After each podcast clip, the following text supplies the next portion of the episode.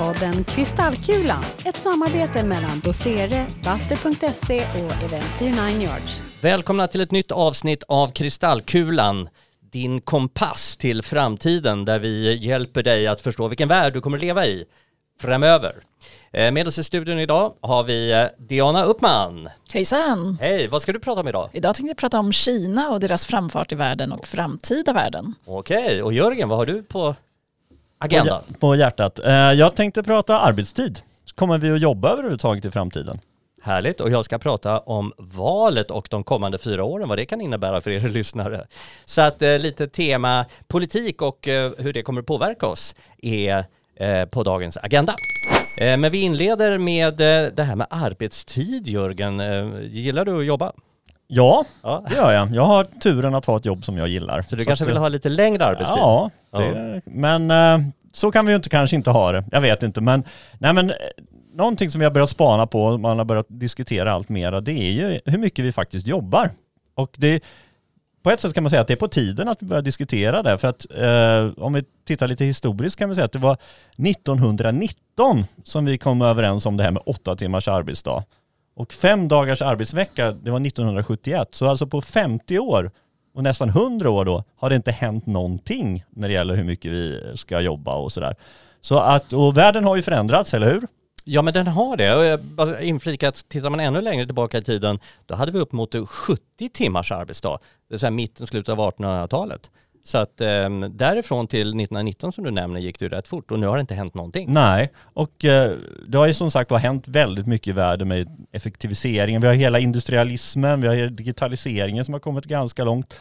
Och det här borde ju betyda att vi kanske skulle kunna förändra det där på något sätt. Men det är väl så vi tänker. Att tekniken ska hjälpa oss att, att, att jobba Mm. och att vi därför skulle kunna jobba mindre. Då tänker jag att vi går ju in, eller vi är redan i ett kunskapssamhälle och eh, tekniken har hjälpt oss med att automatisera industrin. Så är det att vi ska gå ner i arbetstid för att vi är i ett kunskapssamhälle och ska vila hjärnan eller? Ja men det är nog tanken. Sen är det också, eh, har jag, det finns vissa tänkare här då som menar att vi, det vi gör, vi behöver helt enkelt inte jobba mera. Vi, vi, vi, vi, har, en, vi har nått en nivå i vårt välstånd etc. Så att det, det, är inte, det finns inget behov av det. Och det borde vi kunna utnyttja att det behovet inte riktigt finns till att eh, både, både som individer och samhälle utvecklas. Och det här börjar man ju titta lite på. Belgien har till exempel eh, testat ett förslag kring fyra dagars arbetsvecka. Nu gjorde de en liten, liten vinkling på det där för att de drog inte ner den totala arbetstiden utan de körde fyra dagar, tre dagar ledigt men man var ändå tvungen så att säga att eh, jobba 40 timmar per vecka. Så de fyra andra dagarna blev ganska långa. Ja, men ändå så fick man ju lite längre tid på sig att återhämta sig och sådär. Men jag tycker det här reser ju också då den här utvecklingen två lite intressanta frågor då om framtiden. Det, är, det ena är ju om vi då jobbar mindre, hur ska vi då ha bibehållen lön? Eller vad, vad ska, vi- hur ska vi försörja oss? Och eh, det andra är, vad kommer vi att göra med den här extra ledigheten? Vad skulle du göra Diana? Vila och utveckla mig själv så jag känner inte att det är någon brist på vad man skulle göra.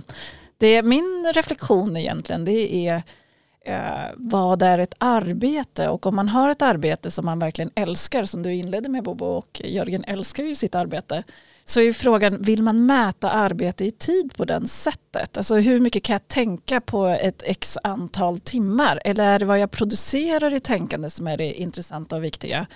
Och blir det rättvist då om man är väldigt intelligent och snabb när man tänker och då Mm. kanske man tänker på 10 timmar istället för 40 timmar. Eh, då får man ju naturlig arbetsförkortning eh, om man tänker på det sättet. Så den som är Eller lite så, långsam, han eller hon får göra lite längre ja och den orättvisan kanske finns idag istället. Att Mm. den som är snabb gör tre gånger mer arbete på 40 timmar och den som Ja. är långsam får göra bara en sak under 40 timmar. Eh, rättvist eller inte? Det blir orättvisor. Ja, inter- vä- väldigt intressant. Och också liksom, apropå det här med rättvisa, så här, liksom det här uppenbart är ju kanske lite svårare att applicera på vissa typer av arbeten som måste liksom utföras. Jag menar vi som har förmånen då att ha kanske lite mer fritt arbete och kan vara, jobba väldigt målstyrt. Men eh, det finns ju väldigt många arbetsuppgifter som inte är det. Att stå i en butik till exempel. Man butik kan säga, jag, jag, jag har stått så snabbt i den här butiken nu så jag går hem en timme tidigare. Ja, nej, Sjukvården likadant. ja, sjukvården Jag likadant. har gjort mina 45 patienter idag så nu går jag hem. Nej. Exakt, eller nu, nu, nu, nu stä- ställer jag bussen här för nu har jag kört färdigt tycker Men, jag. men inom vissa yrken, jag, jag tänker på sopåkare, eh, om, om de kallas så fortfarande, de kanske har ett finare namn, men de hade ju, eh, kallar man det att jobba på ackord tror jag. Mm. Eh, de hade en viss rutt de skulle göra och gjorde de den tillräckligt snabbt, då var det bara att åka hem. Så det var ju de som körde jätte, jättefort och sprang som bara den och de hade ju mycket mer fritid. Mm. Nej, och det, det, är ju, och det ser, den generella trenden i arbetslivet är ju att eh, den typen av de här traditionella arbetsuppgifterna som är väldigt tidsstyrda är ju på väg att försvinna och erkänns. Vi pratade här för något avsnitt sedan om robotar. De börjar ju liksom ta över en del av den typen av arbetsuppgifter. Så att den här gruppen som håller på med de här väldigt tidsbundna är ju, blir ju allt färre och allt fler då som jobbar med eh, där vi kan jobba målstyrt helt enkelt. Och man upptäckte väl under pandemin också att eh, en del tyckte, ja men jag, jag jobbar så effektivt när jag är hemma så att eh, ja, det räcker med att jag jobbar sex timmar. Men tror du Jörgen att vi är på väg dit som du inledde med? Det har gått hundra år sedan den här lagstiftningen och vi jobbar fortfarande åtta timmar varje dag. Svar ja. Mm. Eh, Det var det korta svaret. Det finns väldigt mycket brasklappar och eh, undantag och så här som vi måste diskutera. Men eh, ja, jag tror det. Jag tror att det är, jag tror att vi vill dit. Jag tror att, och det är en stark drivkraft jag, att vi vill dit. Och jag tror att samhällsekonomiskt så skulle man nog kunna se positiva effekter av det också. Vilka fördelar skulle du se då? Om vi tar arbetslösheten till exempel så skulle vi ju kanske kunna sysselsätta flera. Jag tror också, det, det, nu kommer vi in på väldigt filosofiska frågor kring hur, vilket framtida samhälle vi vill ha. Eh, är vi liksom, strävar vi liksom, fortsätter vi att sträva efter den här liksom materiella eh, standarden och så vidare, ja men då kanske det inte är lika realistiskt. Men eh, om vi kan se andra värderingar ta större plats i samhället, då tror jag att det här skulle kunna vara ett sätt.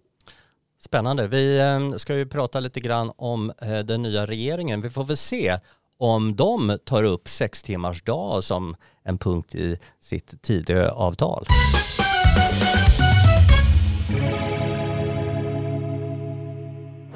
Ja, som sagt, den nya regeringen. Eh, de ska nu forma framtiden fyra år eh, framåt och vi ska filosofera lite över vad det kan innebära för oss medborgare. Eh, jag skulle vilja börja med att kalla det här som vi har framför oss a bumpy road ahead. Det vill säga det kommer vara mycket gupp. Eh, vi har ju fortsatt väldigt jämn mandatfördelning i riksdagen. 176 mot 173. Skiljer alltså bara tre mandat. Eh, så eh, det kan vi väl förutse hörni att varje omröstning i riksdagen kommer vara ganska tuff. Och det räcker som sagt med att några på, från, om vi kallar det för motståndarsidan, röstar eh, åt andra hållet så kommer en hel del av de här idéerna inte att slå igenom. Nej, det kommer nog bli väldigt mycket diskussioner kring det ehm, och påverkan från olika sätt, på olika sätt för att svänga över den där majoriteten. Kan vi Ja, nog tänka oss.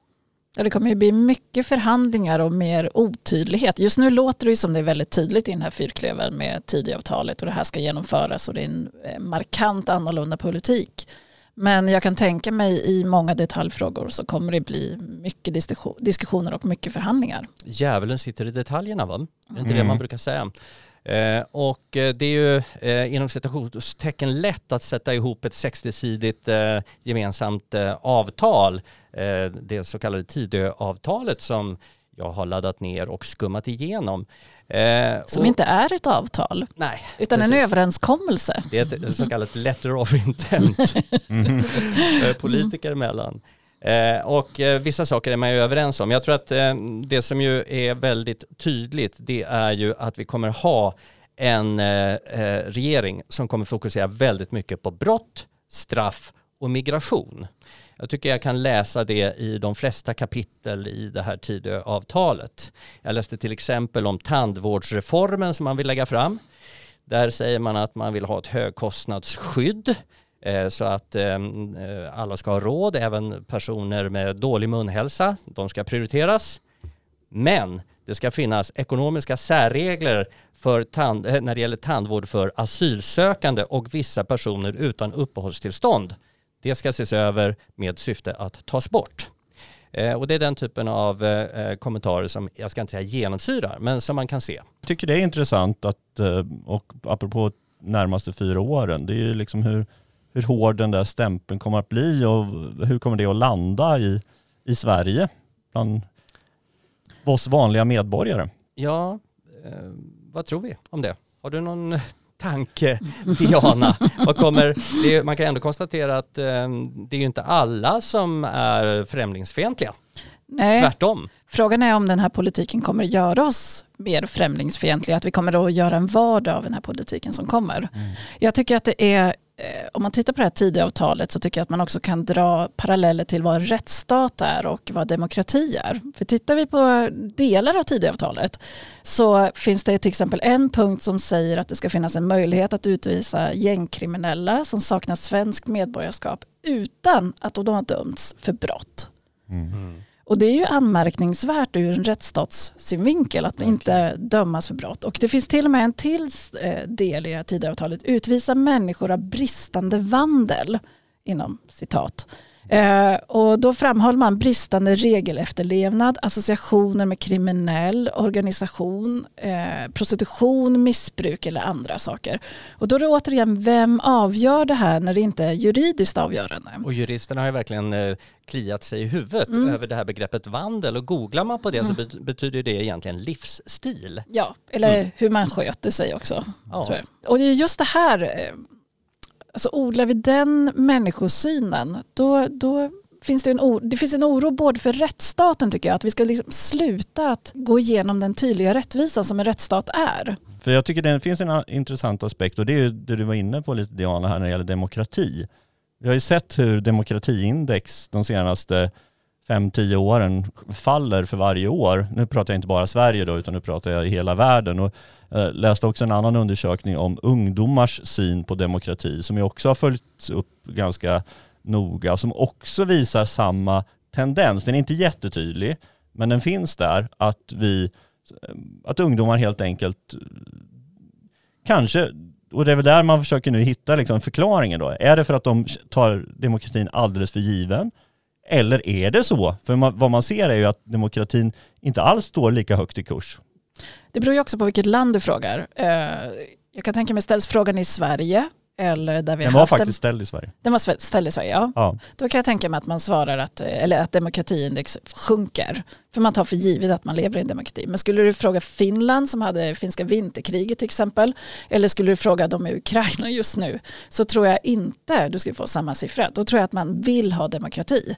För demokrati innebär ju ändå att alla har en möjlighet att påverka. Och skulle man ställa den frågan som en demokratifråga så är jag helt övertygad om att de flesta skulle säga ja, vi vill påverka såklart i vårt land. Mm. Vi flyr ju inte till auktoritära regimer om vi tvingas att fly. Nej, man Nej. flyr till demokratiska länder, helt Ja. klart. Kan, kan ni topp tre-listan på eh, demokratiindex? De mest demokratiska länderna i Sverige. Eller i världen. I världen. världen. De mest demokratiska länderna i Sverige. Götaland, Svealand. ja, jag tror Sverige är etta. Eh, det stämmer ju då inte. Eh, Norge är etta. Eh, fin, eh, Nya Zeeland eh, har gått om Sverige och är tvåa. Eh, och även så Finland som ligger Okej. på tredje plats. Så Sverige är inte ens topp tre utan det har sjunkit till plats fyra. Och, och det är ju lite det du tar upp Diana. En risk för att Sverige kanske åker ännu längre bak i eh, det här indexet. Ja, speciellt med, Ja, med Tidöavtalet.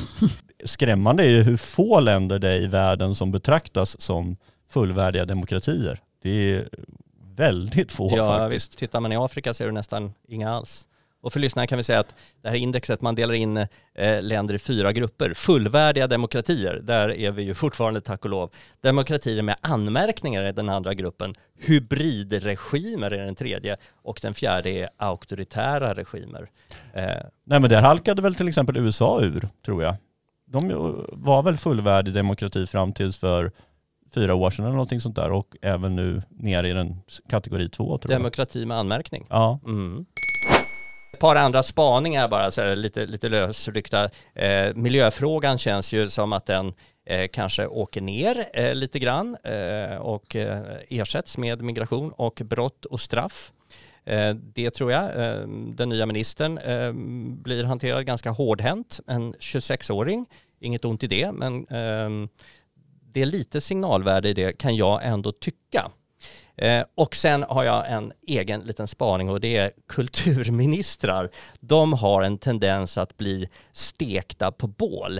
Eh, en- eh, Och och jag tror att vi kommer ha en barbecue när kultursektorn kommer igång för att eh, eh, kritisera vår nya eh, kulturminister Parisa Liljestrand. Som ju uppenbart, Eh, i alla fall på pappret, saknar kulturbakgrund. Och det brukar ju räcka för att bli eh, stekt på bål. Så eh, där har vi lite grann om vad vi tror att vi har framför oss i den svenska politiken.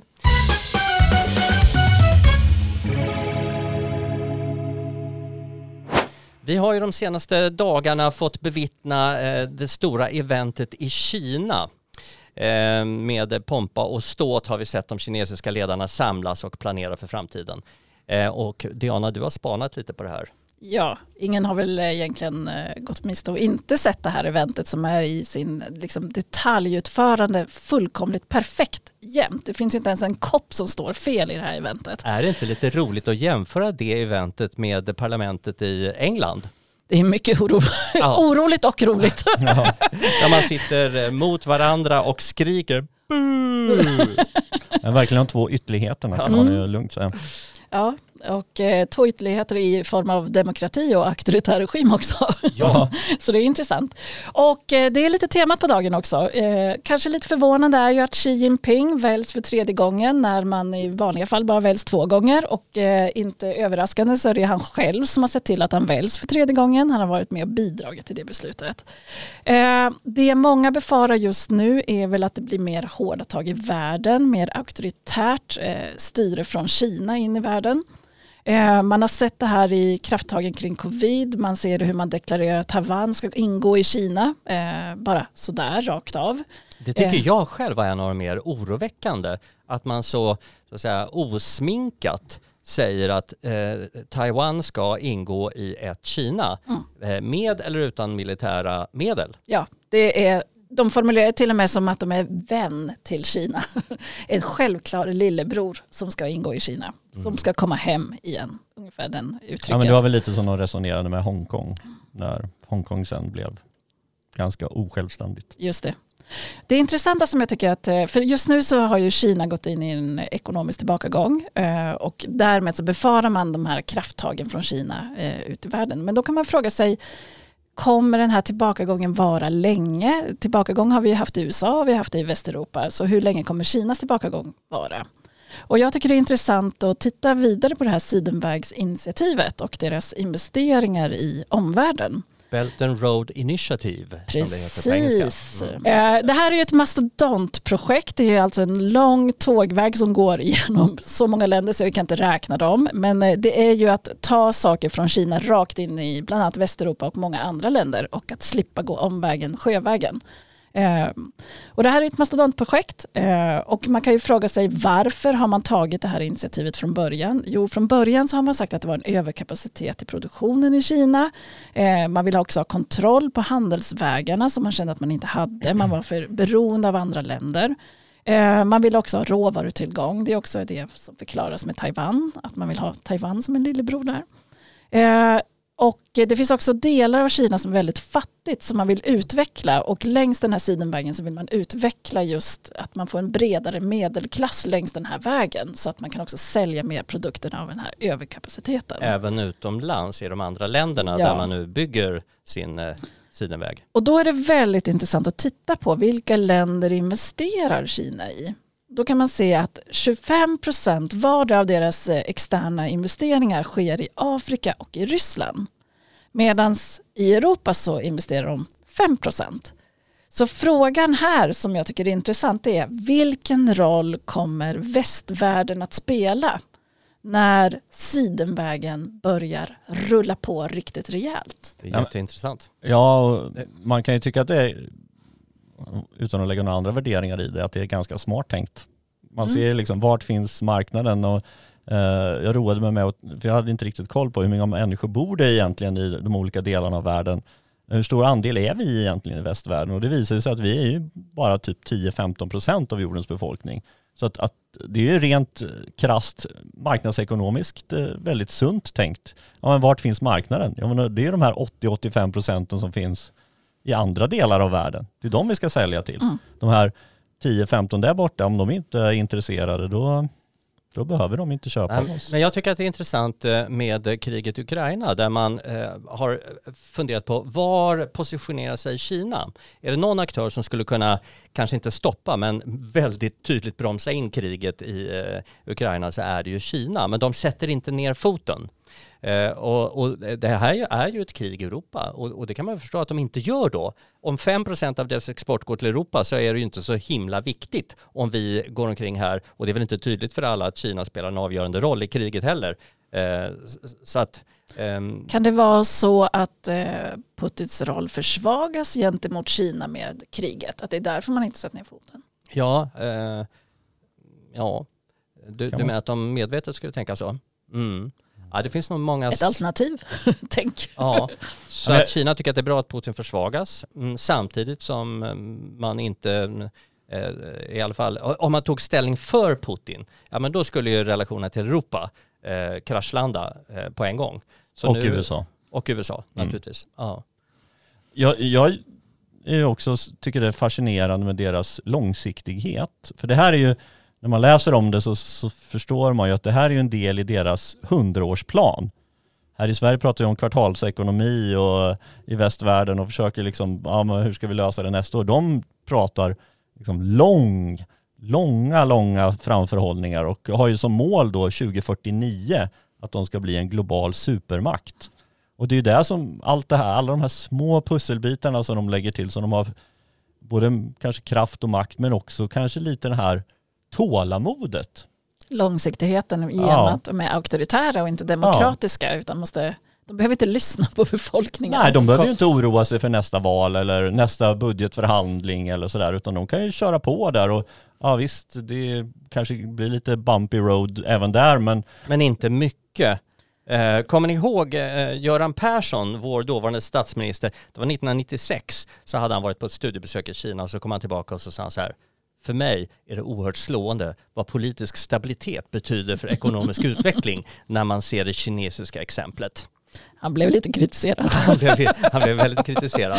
Ja, Men man kan, alltså Jörgen, du och jag har ju varit i Kina ganska mycket de senaste åren. Mm. Jag ett par gånger eh, mer än du. Mm. Eh, och, och, och, man slås ju av att man har det bra i Kina. Techbolagen är ju enormt utvecklade och medelklassen åker omkring i fina bilar, bor i fina lägenheter, har dyra kläder och är väldigt utbildade och hårt arbetande. Eh, det är ju någonting som verkligen har hänt i Kina. Och en växande medelklass kommer göra att man också tolererar lite mer av en auktoritär regim ja. troligtvis. Tills Fast... det slår över för mycket såklart. Ja. Det intressanta är ju också Eh, när vi, nu har ju vi i västvärlden varit lite de ledande geopolitiskt kan man säga genom handeln. Eh, vilket har gjort att demokratiska värderingar har spridits runt i världen. Apropå ett tidigare samtal här idag. Frågan är vad kommer hända nu när det är auktoritära vinnande koncept som sprids över världen? Mm. Ja, det kan man verkligen fråga sig. Eh, och där är det ju lätt att bli negativ. Mm. Ja. Nej, jag tror inte för mig, det är oroande tycker jag.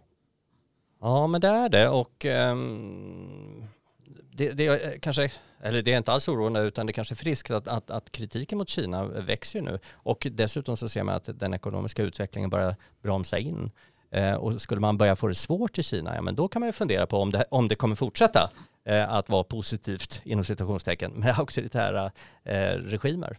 Men tänk om det är, nu, nu eh, frilansar jag tänkte jag säga.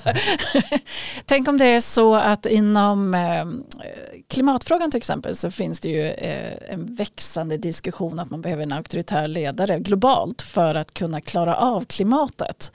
Tänk om det är Kinas auktoritära hundraårsplan som kommer klara våra klimatmål i framtiden. Och det är ju ingen orimlig tanke för de har väldigt uttalade och väldigt tydliga mål. Eh, så att när de trycker på knappen att bli klimatneutrala, då kan man tänka sig att det går ganska fort eh, och eh, att det sker effektivt. Så att definitivt kan man tänka sig att det skulle kunna, om vi vill välja att tänka positivt, så skulle det faktiskt kunna hända eh, och att därigenom Kina tar ledningen i världen. Men vi vill inte ha en auktoritär Nej, regim. Jag tror vi att inte. vi stryker under det här i Hörrni, studion.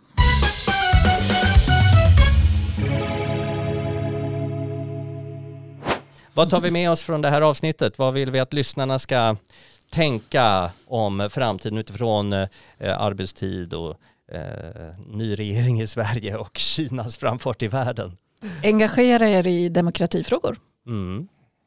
Det var, Bra. ja, det var en väldigt klok tanke. En mindre klok kanske eh, är att eh, de kan, man kan fundera på om man ska jobba mindre. Ja. Om man är, hur man ställer sig till det. Skulle Ja. det funka? Skulle jag vilja det? Vad ska jag göra istället? Kanske blir mer demokrati om vi jobbar mindre. Kanske det. Ja, intressant hörni.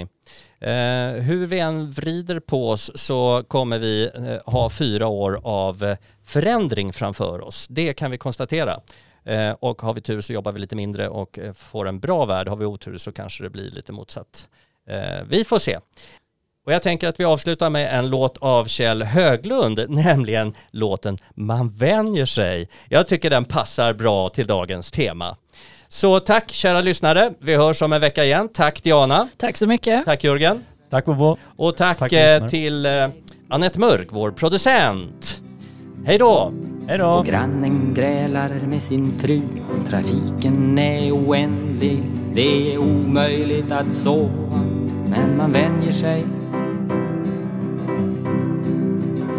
Man måste vänja sig Lakanen snor sig och blir fuktiga av svett och nattens timmar är som gummiband i väntan på glömskans sömn så ringer väckarklockan.